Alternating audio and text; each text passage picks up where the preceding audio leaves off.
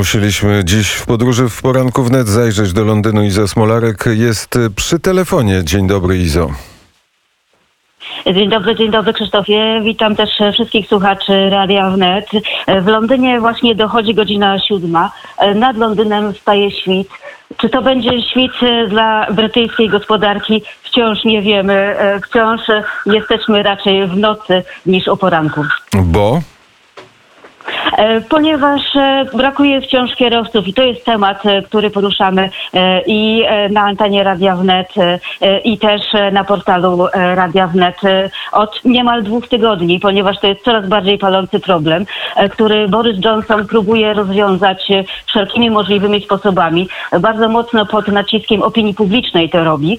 Wczoraj odbyła się wielka konferencja Partii Konserwatywnej w Manchester. Tam wystąpił Boris Johnson z kolejną e, odsłoną e, naprawy tej sytuacji. The Times, bardzo znana gazeta tutaj na Wyspach, w poniedziałek e, ogłosiła, że literalnie zgłosiło się 27 kierowców z Unii Europejskiej, którzy chcieliby przyjechać korzystając z czasowych wiz.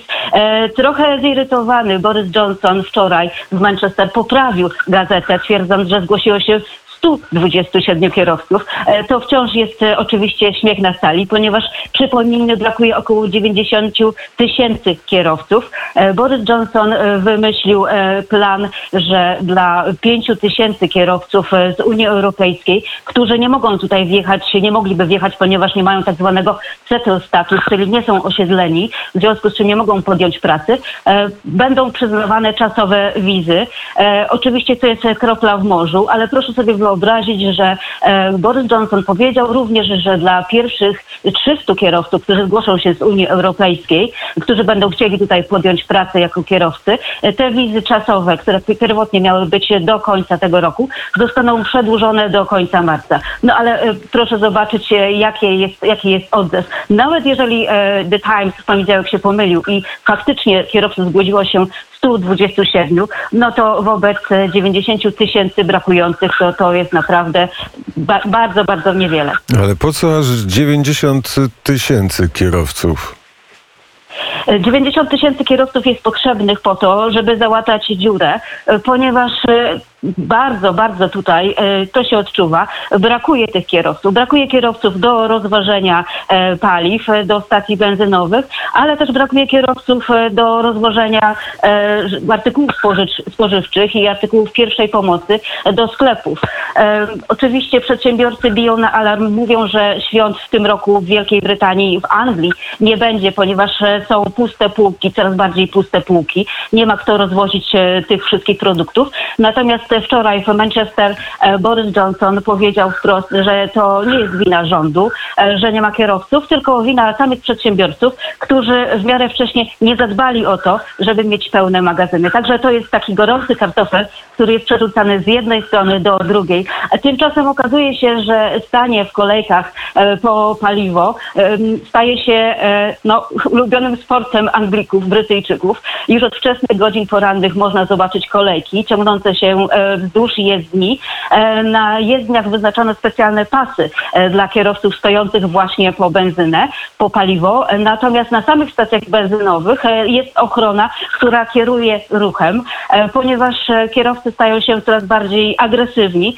Była nawet taka sytuacja, kiedy jeden z kierowców wyciągnął nóż i groził drugiemu, ponieważ tamten zajechał mu drogę w, do, do dyspozytora paliwa. Ale ile czasu się czeka w takiej przeciętnej kolejce? Czy jest jakaś liczba podawana godzin?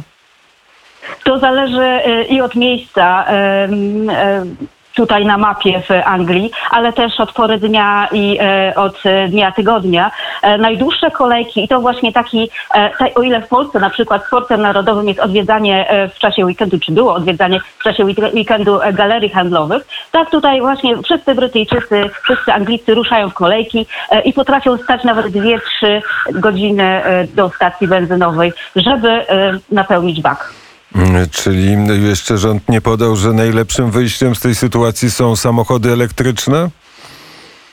no, Wielka Brytania myśli tutaj e, coraz bardziej, coraz bardziej intensywnie e, i faktycznie nawet widziałam takie memy e, w internecie mówiące o tym, że kierowcy e, którzy mają samochody elektryczne, grają teraz na nosie e, pozostałym. No ale energia też idzie w górę, jeżeli chodzi o ceny, także to pewnie też się wyrówna. Na razie póki co, e, tak jak mówię, bardzo takim normalnym widokiem stają się e, ogromne kolejki po, po paliwo. Zrobiły się też takie jakby komitety kolejkowe nawet, czyli jedzie sąsiad, który akurat danego dnia nie idzie do pracy, e, ma w bagażniku baki, specjalne baki na paliwo i e, taka robi się kontrabanda, następnie handluje tymi bakami, ale to oczywiście to jest tajemnica Poliszynela. E, No każdy stara się jak może. Myślę, że my ze wschodniej Europy jesteśmy bardziej przygotowani na tego typu kryzysowe sytuacje, natomiast dla Anglików to jest prawdziwy koszmar. To jest właściwie koniec świata. A m, jeśli chodzi o zaopatrzenie sklepów, bo to też jest e, ciekawe, czy jest normalne, e, czy też już się odczuwa to, że to zaopatrzenie jest inne niż normalne? Przede wszystkim ludzie zaczynają panikować, e, zaczynają planować swoje święta e, Bożego Narodzenia, korzystają jeszcze z tych zamrażarek, które na początku pandemii masowo wykupowali w sklepach, żeby po prostu robić zapasy. Myślę, że bardziej w tej chwili jest to o tyle odczuwalne, że jest tak zwane e, panic buying, czyli e, paniczne wykupowanie e, towarów. Ludzie pamiętają sytuację sprzed kilkunastu miesięcy roku pandemii, brakowało nas wszystkiego, od ziemniaków poprzez papier toaletowy. I w tej chwili starają się robić zapasy i to myślę, że troszeczkę e, um, sprawia, że, że te półki stają się puste. Natomiast na razie jeszcze to nie jest zauważalne. Oprócz tego panicznego wykupowania towarów nie jest to jeszcze zauważalne w takiej dużej skali, że można byłoby zacząć faktycznie panikować. Nie wiem, czy obserwowałaś sprawy związane z Rafałem Ziemkiewiczem i z deportacją Rafała Ziemkiewicza z, z Londynu. Czy media e, brytyjskie odnotowały tą sytuację? Czy gdzieś zauważyłaś jakieś zainteresowanie tą sytuacją?